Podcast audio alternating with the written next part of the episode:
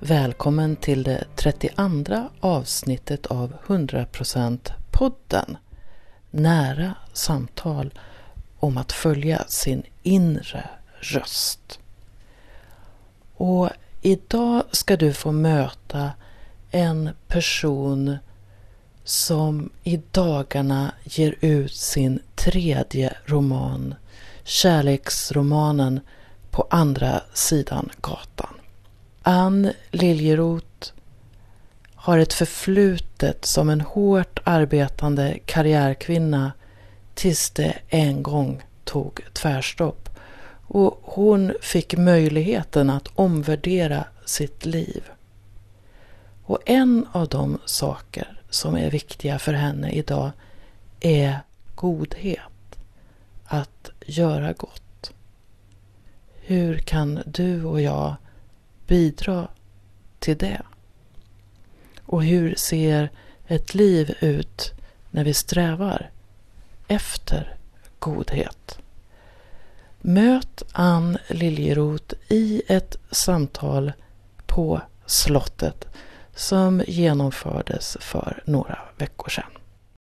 Jag sitter på slottet tillsammans med Ann Liljeroth som är författare. En av de saker som du brinner för tror jag är godhet. Först av allt, välkommen! Tack Charlotte! Godhet, vad är det för dig?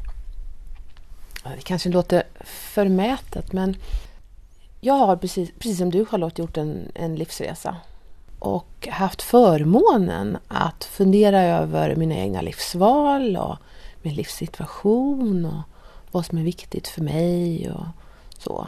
Jag har eh, haft förmånen att sudda ut de, de stora yviga gesterna och försöka komma ner till vad är det egentligen som är viktigt och, och landat i att det här med att vara snäll och då blir, kommer vi fram till godheten är otroligt viktigt och att eh, tyvärr så får det också lite stå tillbaka för allt annat som vi upplever runt omkring oss i vår omvärld. Så jag tycker det är viktigt att lyfta fram godheten och snällheten och hur vi kan bete oss mot varandra och, och så. Jag tycker det får för lite plats helt enkelt. Och vad är godhet för dig? Det är att till en början med att vara snäll mot sig själv. För när man börjar med sig själv så tror jag att man också kan påverka sin omvärld att eh, tänka gott. Eh, att i handling försöka utnyttja sin egen plattform, det vill säga det jag kan och det jag gör till att verka för en bättre värld helt enkelt. Gud, det låter så förmätet, det låter så storsvulstigt tycker man säger det. Men det handlar ju om de små handlingarna egentligen i, i vardagen. Det där med att eh, le mot tanten i kassan på ICA och ja, försöka lösa små problem och inte göra stora problem av saker som, som händer i ens omvärld. Så du ler mot tanten i, i kassan då, gissar jag? Ja, det gör jag. varje dag, eller varje gång jag handlar så ler jag mot kassan. Tanten där som sitter där. Mm.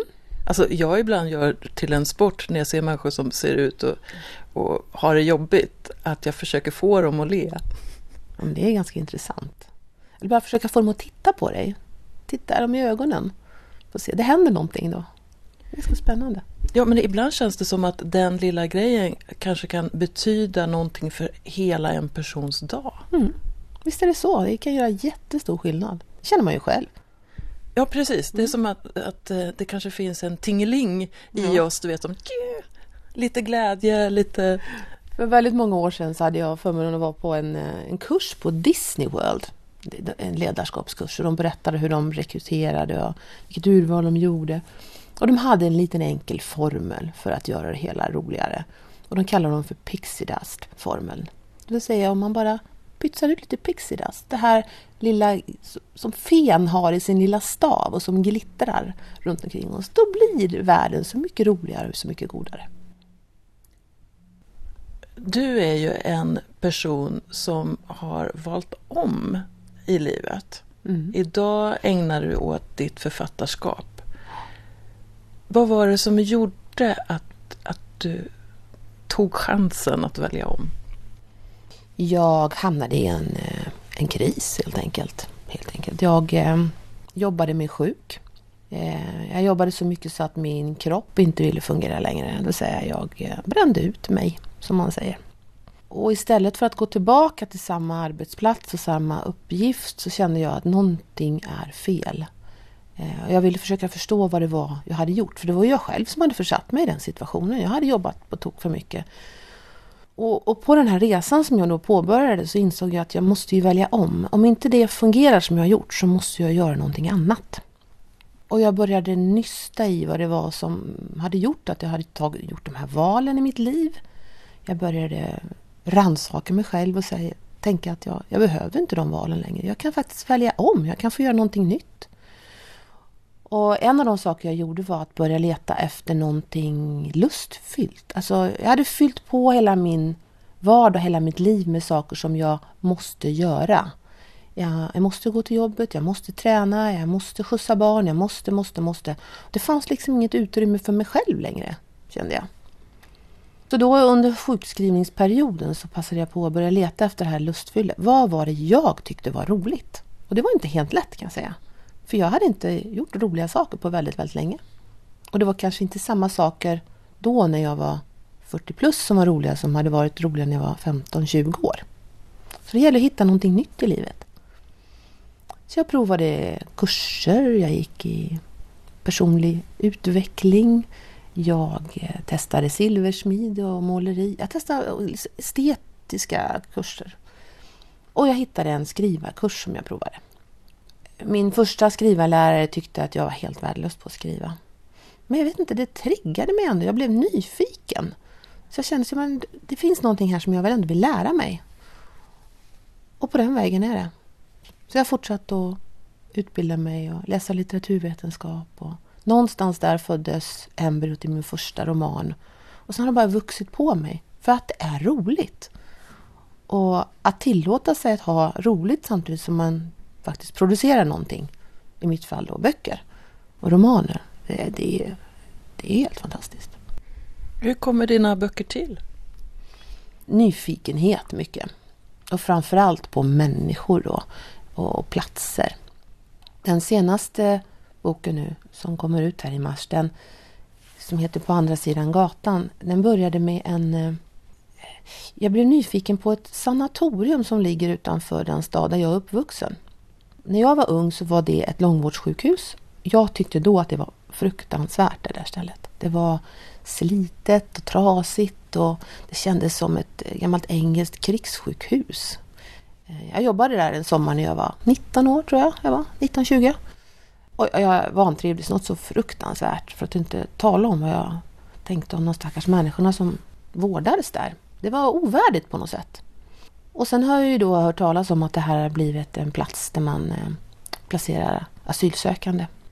Och då kände jag så här, men hur, hur fungerar det? Hur går det? Så jag åkte dit för att se, hälsa på. Och någonstans där så föddes idén om om Alex och Gabriella som eh, den här boken handlar om. Där Alex då arbetar på den här förläggningen. Och vad är bättre att gestalta godhet genom en kärlek? Så att det blev en kärlekshistoria om de här två. Där Alex som jobbar på förläggningen och lever i den världen möter det som är vår värld, alltså det som finns utanför. Där Gabriella då kommer från en helt annan miljö och är ursvensk om jag får säga så. Ehm, dessutom uppvuxen i en väldigt troende miljö. Hennes mamma är präst. Och så möts de här världarna i deras kärlek då. Och eh, det är inte helt lätt. Så. Utan godhet kan ju också utsättas för press på olika sätt. Och godhet kan krocka med annan godhet. Därför att man ser olika saker som godhet. Vi jobbar från olika plattformar utifrån det vi kan och tror på och de perspektiv vi har. Och det är det som, som blir till en eh, lite rörig historia för de här, det här kärleksparet. Då. Det jag tycker jag uppfattar i det du säger, det handlar inte bara om att skriva utan att det finns en berättelse som vill fram. Det finns ett engagemang hos dig. Stämmer det? Ja, det börjar väl med en idé om att jag vill berätta någonting. Alltså jag hoppas ju att mina historier ska eh, uppmuntra till eftertanke. Vad är det egentligen vi håller på med? Vad är det egentligen som är viktigt? Vad är det, vad är det hon försöker säga med den här historien? Så någon form av eftertanke, ja. Inte bara underhållning utan lite mer. Så. Och det känns ju som att du väljer ett aktuellt ämne. Ja, det har ju blivit mycket mer aktuellt än vad det var när jag påbörjade den här historien för två år sedan, absolut. Jag vet ju också att på den här eh, platsen som historien utspelar sig delvis på så bodde det 200 personer när jag var där och hälsade på. Idag sägs det att det bor 700 personer där. Så att det visar på intensiteten i, alltså behovet av någonstans eh, att vi, vi finns för de här människorna. Så vad känner du inför verkligheten jämfört då med, med, med din skapade story? Ja, det, den skrämmer ju mig lite grann. Att, um, att vi inte reflekterar över. Alltså det finns för lite, för lite eftertanke. Vi reagerar ju väldigt mycket på, på situationer som uppstår runt omkring oss. Eh, istället för att fundera på men hur löser vi det här då? Hur, hur kan vi göra det lättare för människor som behöver vår hjälp? Istället för att sätta upp hinder. För jag tror att det är det som vi gör när vi reagerar. En alltför snabb reaktion kan skapa rädslor och då bygger vi hinder. Utan att egentligen veta vad vi... För vi, vi tar oss inte tid att eh, ta reda på mer. Så, eh, och då kommer eftertanken in. Den, den tror jag är en, en, ett bra element att ha med sig om man ska vara en god människa. Jag blir så nyfiken på vem du var innan din utmattning. Hade du tid att vara en god människa då? Jag var väl inte allt för eh, inte allt för elak heller. Nej, men jag hade inte det för jag hade inte reflekterat över att det var det jag ville vara. Det är det jag tänker att har reflek är reflektion ett, ett sent element i, i ditt liv? Ja, det är det. Alltså någonstans så är jag väl som, jag, jag är väl uppvuxen som de flesta människor. Och så när man under sin uppväxttid så möts man ju med en massa, man får en massa sanningar till sig. Att så här ska livet se ut och så här ska det vara och så. Och jag är uppvuxen med eh, Luther och Jesus och Jante som många i min generation. Så att det handlar om hårt arbete, det handlar om framgång, det handlar om att inte ta sig själv på för stort allvar för att man ska veta att man inte är finare än någon annan. Alltså det är många sådana här tråkiga sanningar egentligen. Men de finns ju där. Jag vet inte, de tillhörde min uppväxt. Det var väldigt starkt så. Och sen så försöker man ju under en etableringsfas, det vill säga när man har flyttat hemifrån och gjort sig fri, då ska man, tar man med sig det här och så tar man med sig det in i utbildning och jobb och familj och hela sin sociala struktur som man bygger upp. Så ska man försöka balansera allt det här. Hur mycket jobb och hur mycket familj och hur ska man tänka? Jag hade, nog inte, jag hade inte tid att tänka efter. För jag jobbade ju dessutom väldigt, väldigt mycket. Och ville väldigt mycket. Jag var väldigt präktig och liksom ville ha kontroll och karriär och så var viktigt för mig. Tills, det, tills den dagen jag kraschade och insåg att nej, jag får inte ihop det här. Jag får verkligen inte ihop det. Det är någonting som saknas. När du tittar på Ann före, vad, vad, vad, känner du när du tittar på den lite yngre du? Jag kan bli lite ledsen. För att jag inte var snäll mot mig själv under den perioden. Mm. Under perioden jag var sjukskriven så fick jag tillfälle att träffa en eh, en coach. En fantastisk kvinna. Eh, vi pratade inte så mycket om det vi skulle prata om, för vi pratade mer om den andliga världen och vi, vi fann varandra på en annan nivå. Men eh, hon gav mig i uppdrag att fråga några av mina medarbetare som jag hade haft på mitt eh, senaste jobb då, eh, vad de, hur de skulle beskriva mig. Och då vet jag att det var en person som sa att ja, så skrev till mig att ja, jag måste väl vara ärlig och säga att du kunde ibland vara lite skräckinjagande. Och det där, det där tog mig jättehårt. När jag kände att, men gud, hur har jag varit egentligen? Hur har jag betett mig? Jag var nog rätt tuff, så hård. Det var högt tempo, det var mycket som skulle produceras. Jag hade min tur chefer som hängde över mig och ville ha saker. Nej, det, jag var ingen trevlig människa helt enkelt. Kan man säga att det var bra för dig att du blev utmattad?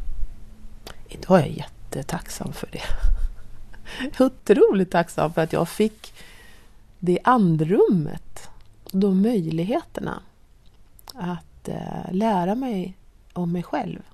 när jag gick in på din hemsida och läste lite grann så står det fint och prydligt att du har två söner och att du är gift och att du bor i Bromma och så. Och någonting som är ganska vanligt att det händer i sådana här processer är att äktenskap kraschar. Klarade ni ert? Med nöd och näppe får jag väl säga då. Jag var sjukskriven under tio månader, tror jag, nästan ett helt år. Och det är klart att det var en jättepåfrestning för alla i min omgivning. Jag vet att jag en gång blev jättearg på min yngste son och så fick jag jättedåligt samvete för det. Och sa att nu ska veta att mamma är egentligen inte arg utan jag är bara trött. Det där använde han sig av många gånger sedan. Han la huvudet på sned när jag blev arg. och sa mamma jag vet att du egentligen inte är arg. Så att han lärde sig snabbt. Men det är klart att även på äktenskap, ja, det måste varit jättetufft att leva med mig under den här perioden. Vi hade en, eh, ja, vi ifrågasatte nog också om vi fortfarande skulle leva ihop. Eh, om vi var rätt för varandra. Men vi bestämde oss för att vi var det. Och sen jobbade vi på det och eh, även min man lärde sig mycket på den resan. Och jag tycker jag har en mycket bättre man nu än vad jag hade då också. Så att det blev en gemensam utvecklingsresa kan man säga? Ja, det blev en krasch. När vi ifrågasatte allt och vände upp och ner på det mesta. Men bestämde oss för att vi skulle fortsätta, för vi var ändå rätt för varandra. Och sen jobbade vi därifrån med lite hjälp. Men det har blivit jättebra. Jag själv, när jag jag fick inte en utmattning men jag, jag kom i ett starkt ifrågasättande av vem jag var för sådär 17 år sedan. Och då, då kände jag att jag var tvungen att, att lämna relationen för att kunna gå vidare. Och det hade egentligen inte med honom att göra utan med min egen så osäkerhet att göra. Så det är spännande att lösa sådana här saker tillsammans. Vad, vad, tror du att, vad kan ha varit till hjälp för er att, att göra det valet? Prata. Alltså, vi pratade jättemycket. Till en början så pratade vi... När det kraschade riktigt, då satt vi uppe hela nätterna. Vi sov väldigt lite, satt uppe hela nätterna. Det kanske lite för mycket vin. Men vi pratade jättemycket och verkligen försökte gå till botten med vad är det egentligen som har hänt och varför blev det så här? Och, och sen så tog vi som sagt hjälp och försöka att hitta ett språk där vi kunde möta varandra igen utan att värdera. För man hamnar lätt i att eh, när man krisar sådär att man värderar. Du har fel och jag har rätt och du gör inte, du bryr dig inte. Utan bara eh, hjälpa till, få hjälp att lyssna på varandra. Eh, det var viktigt för oss. Och sen att se vad man uppskattar hos varandra. Min man är en väldigt lekfull person. Han är ganska barnslig egentligen. Men jag, gud vad jag uppskattar det. Men när jag var väldigt präktig, och ordentlig och ville ha kontroll på att då var han bara jobbig. För han, han ville ju inte ha det så. Utan han var ju, ja, lattjo sådär. För mig var det jättejobbigt då. Men när jag insåg att men jag vill inte ha det så. Jag vill ju hellre vara som han. Så kunde jag se att han hade sidor som jag inte hade uppskattat förut. Så du fick lite hjälp att se sidor hos dig själv som du tidigare hade tryckt undan? Ja, kan man absolut säga. Dels i den resan men också i det här sökandet som jag gjorde. Den inre resan som jag gjorde under en, en period där när jag kände att jag ville ändra på någonting. Det här funkar inte längre. Det här med att inte gå tillbaks till den traditionella karriären. Hur kändes det att berätta för de människorna att, att du valde nytt? Jag får ju ofta höra, och även då, att jag var modig som bröt. Att, att jag sen har varit en, en förebild för andra som känner att jag skulle också vilja våga. Eller jag, Åh, jag är så avundsjuk på dig och vad häftigt det är att se att du vågade. Och, och speciellt nu när jag sitter här med snart tre utgivna böcker så är det jättemånga som bara Åh, det är så jätteroligt att följa dig. Och, så jag har bara fått uppmuntran från människor som tycker det är häftigt att någon vågar göra något annat. Så du har blivit en förebild? Jag får höra det ibland, ja. Jag, jag tycker faktiskt det är jätteroligt. Utan att slå mig på bröstet. Men jag tycker det är kul om, om, jag kan vara, om jag kan vara en förebild för andra. Så hur ser en vanlig dag ut för dig idag? En vanlig dag? Jag försöker naturligtvis att skriva några timmar. Och för att det ska bli gjort så bokar jag in det i almanackan. Jag bokar tid med mig själv. Men sen idag, eftersom jag snart nu ska släppa en ny bok, så handlar det om att eh, försöka få lite uppmärksamhet för boken, naturligtvis. Att planera med, tillsammans med mitt förlag och de som jobbar med mig hur vi ska göra. Vi ska ha en liten eh, releasefest så småningom här. Det ska bli kul, planerar vi också för. Sen eh, fungerar jag i, eh, i mitt yrkesliv så är jag också som mentor åt personer som jobbar inom kommunikationsvärlden fortfarande. Så då har jag sådana möten ibland också. Och det är jätteroligt för att fortfarande få ha en fot med i, i verkligheten. Man säger. Inte bara hålla på i min fiktiva skrivarvärld. Utan måste ut i verkligheten lite också. Det är kul. Vad spelar kroppen för roll för dig? Jättemycket. Om jag har en stark kropp så känner jag mig klarare i huvudet. Jag eh, kan tänka bättre. Och jag, är, jag tränar ganska mycket. Eller ganska mycket, flera gånger i veckan. Men inte för att bli atlet utan för att inte ha ont i kroppen. För jag känner att jag är stark och inte ont så klarar jag motgångar bättre också. Jag tror det är jätteviktigt. Det hänger ihop. Kropp och själ hänger ihop. Det är jag övertygad om. Du, du mötte en coach under ditt svåra år eller hur ja, du nu kallar det. Ja, det här året när jag var sjukskriven. Där ni kommer att prata om andra saker mm. än, än det det var tänkt. Och så nämnde du ordet andlighet. Vad är andlighet för dig? Som, som växte upp med Luther, Jesus, Jesus igen. Andlighet är att bejaka det man har inom sig och tillåta sig att känna efter och gå lite grann på sin eh, intuition och inte tro att allting är så logiskt egentligen. Utan tillåta sig att tro på lite eh, andra krafter i livet. Och det blir så mycket roligare då. Eh, det blir så mycket mer spännande än att allting är förutsägbart och planerat för och så här. Utan upp, man öppnar någonting Um, Dörr in till något? Ja, det är som att öppna själen lite grann och våga titta och våga tro på någonting annat än att eh, den 25 får jag lön och, och allt det där som ändå är. Så Nej, men det, öppna upp hjärtat lite. Det är andlighet för mig. Så när du fattar beslut idag, hur, hur går det till? Ja, antingen så säger jag ja eller nej med en gång därför att jag tänker inte efter. Eller också kan jag gå och tänka på det jättelänge. För jag verkligen såhär, nej men jag måste få känna på det här lite till. Nej, jag vet inte, jag måste få känna efter lite. Så det, det är nog antingen eller. Jag tänker, är det... Kan du känna var dina jan kommer ifrån? Är det intuitiva jan eller kommer det... Nej men jag kommer ju när man, när man känner att, att eh, mungiporna åker upp till öronen ungefär och det liksom bara bubblar i en lite grann så här, då är det ju ett ja. Det bara är så. Det och då kan, är det bara att säga ja? Ja, det är bara att säga ja. Det kan vara hur tokigt som helst. Man bara, ja, det är klart man ska göra. Det känns inte. Nej, men det bubblar. Då är det ett självklart ja. Och sen kan det ju vara ibland att det måste till lite så här logiskt tänkande. För det skulle ju kunna vara bra. Eller, mm, då måste jag tänka lite på det. Betyder det att du säger oftare ja idag som är grundad i dig? Ja, jag tror jag har kontakt med det som känns inom mig idag. För 10-15 år sedan så jag visste inte vad den kontakten var för någonting. Utan det, det, var bara logik på något sätt. Mål som var viktiga. Mål som då ofta handlar om karriär och framgång och sådana här saker. Som inte var grundade i att det skulle kännas bra eller nej. Så du kanske du sa ja som körde över dig själv i praktiken? Absolut! Det gjorde jag nog ofta, tyvärr. Vilken relation har du då och har haft till nej?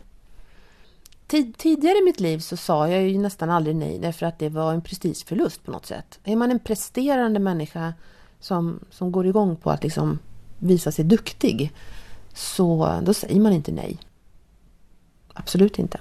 Utan då fixar man allting. Och man fixar allting själv. Man ber ju inte om hjälp. Det låter så jobbigt. Ja, men det var ju jättejobbigt. Fast jag fattar inte det då. Det är, så, det, det är så det bisarra i det här att när man är mitt i det så ser man inte utan det är först när du får tillfälle att liksom titta på hur det egentligen fungerar i livet och inser man så men herregud, hur höll jag på egentligen? Och nu så, nej, idag har jag inga problem att säga nej. Fast jag får ju säga det på ett, man säger det på ett snällt sätt. Bara så här, nej, alltså man får ju förklara och, ja, och alla förstår ju det. Det är inget konstigt. Du behöver inte bevisa dig eller något med, med ditt nej idag. Absolut inte. Eh, jag känner igen mig i det och det ger ju livet en större avslappning också. Mm. Ja, det går ju att vila i att man säger, men det, Ja. För mig, det, det, finns ju nej som är svåra fortfarande. Ja. För det kan vara till exempel i förhållande till barnen eller någonting där, där det ibland känns som att jag, jag vill så gärna men... nej, och då får man väl säga det. Ja, egentligen så vill jag säga ja, men jag säger nej. Jag tror också att det leder till de här tydliga ja och nej, att, att vi blir tydligare som personer i förhållande till andra. Ja men absolut. Och framförallt tydligare därför att jag är den jag vill vara. Eh, jag är inte den jag tror att andra tycker att jag ska vara. Jag tror att du känner igen det Charlotte. Ja. Så hur skulle du beskriva dig själv idag? Oj, vilken svår fråga. Hur skulle jag beskriva mig? Ganska prestigelös, glad, livsnjutare. Jag är tacksam för alla möjligheter som jag har fått i livet. Jag hoppas att jag uppfattas som en snäll person för andra också. För jag vill försöka göra gott och hjälpa till det jag kan. Eh, utifrån de förutsättningar som jag har. Det vill säga med min kunskap eller mitt skrivande eller genom att vara en förebild eller så. Och om någon säger så här, men du Ann, att vara snäll det är ju tråkigt. Vad säger du då? Ja, men jag vet, jag tycker inte om ordet snäll heller. Det låter så. Men det är så basalt. Egentligen, det låter så enkelt men om vi grottar i vad det egentligen innebär att bete sig snällt så är det otroligt viktigt. Och vi, vi har lite för lite av det. Framförallt så får den andra i vår omvärld, det elaka, det eländet, det här, det får för mycket plats. Så vi behöver liksom balansera det här lite grann. Under förra året, under 2015, så lyssnade jag ganska lite på nyheter. Jag hade en egen process, eh, jag höll på att separera och sådär.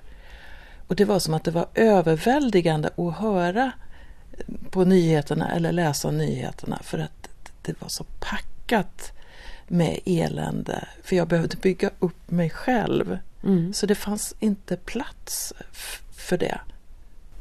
Vad tänker du om det? Ja, men det är precis det jag upplever också. Och då får vi kanske hitta andra former för att fylla på med det här positiva, lite mjukare, trevligare, godare.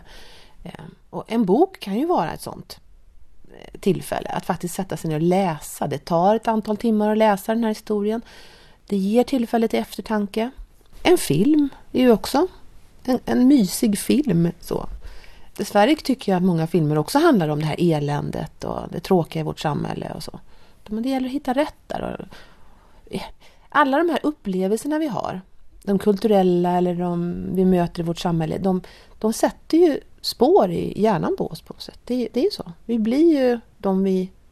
Vi blir våra upplevelser och fyller vi bara på med det här tråkiga som vi möter så, så blir vi till sätt väldigt deprimerade. Så jag tror att det är viktigt att fylla på med lite trevligare historier och trevliga möten och godhet helt enkelt. Ja, och jag tänker också att lägga märke till det som fungerar bra. När jag mår bra, vad som får mig att le, vad som får hjärtat att spritta. För att det känns som att väldigt ofta så fokuserar vi det andra, mm. det som inte fungerade. Mm. Och då får vi väldigt stora motorvägar i hjärnan som, som, som kommer ihåg det medan vi nästan tappar bort det här wow i livet. Och det, har ju, alltså det är ju medias uppgift att rapportera om allt det här som händer. Men nu har vi ju ett så enormt mediebrus och så massor olika kanaler på olika sätt. Och vi bär dem i fickan och vi har dem framför oss hela tiden. Så att vi måste nog hitta sätt att balansera det på. Så jag tror att de här andra kulturella upplevelserna blir viktigare för oss. För att vi ska bli bra människor helt enkelt. Om vi tänker oss en, en människa som känner att jag är mitt i ekorrhjulet eller det kan vara honungshjulet för den delen mm. också. Det finns inte tid för mig, det finns inte tid att, att tänka efter. Jag måste jaga framåt. Vad, vad, vad kan vara ett första steg för en sån person att göra?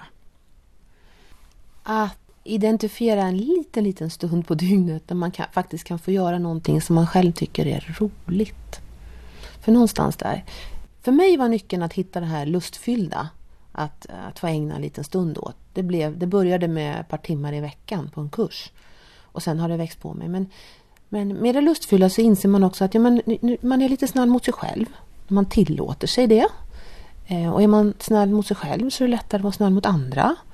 Ehm, så att jag tror att tillåta sig att få den här stunden hitta något roligt som bara som väcker ens intresse, som man blir nyfiken på, som man, man känner att det börjar bubbla lite. Inte bara fyller veckotimmarna med det här som måste göras. Jag tror det är jätteviktigt. Så du som lyssnar, vad skulle vara roligt att göra en liten, liten stund idag bara för dig? Tack så hemskt mycket Ann för att du ville komma hit till slottet och prata om godhet och om din nya bok och ditt liv. Tack Charlotte. Ja, var hittar du lusten i ditt liv eller det lustfyllda i ditt liv? Ger du plats för det? Visst är det inspirerande att höra Ann Liljeroth som nästan som av en slump hittade gåvan i att skriva, det lustfyllda i att skriva och nu kommer med sin tredje roman. Kanske det till och med är så att det som i ögonblicket kan ses som svårigheter och katastrofer och kriser i livet i själva verket är någonting som leder till utveckling. Det är i alla fall min personliga erfarenhet. Så eh, läs gärna Ann Liljeroths nya bok På andra sidan gatan när den kommer den 16 mars. 100%-podden är mitt, Charlotte Kronqvists, projekt där jag möter fantastiska människor som delar med sig av sina liv och, och sina tankar. Och för mig är det helt underbart att få de här mötena. Ibland med personer som jag känner och ibland med personer som jag möter för allra första gången. Den här våren så kommer avsnitten antingen varje vecka eller varannan vecka och det beror lite grann på min arbetsbelastning. Det här är ett ideellt projekt så jag får ta den, den tid jag har möjlighet till. Och i dagarna släpper jag min nästa webbkurs och den heter Ta makten i ditt liv. Man kan ju säga att den titeln ligger verkligen i samklang med Ann Liljeroths budskap idag. Så gå gärna in på min hemsida charlottekronqvist.org och klicka på kurser. Och du, ta ett djupt andetag och påminn dig om att du är den viktigaste personen i ditt liv och att livet har stora chanser att bli riktigt bra när du lyssnar på din inre röst.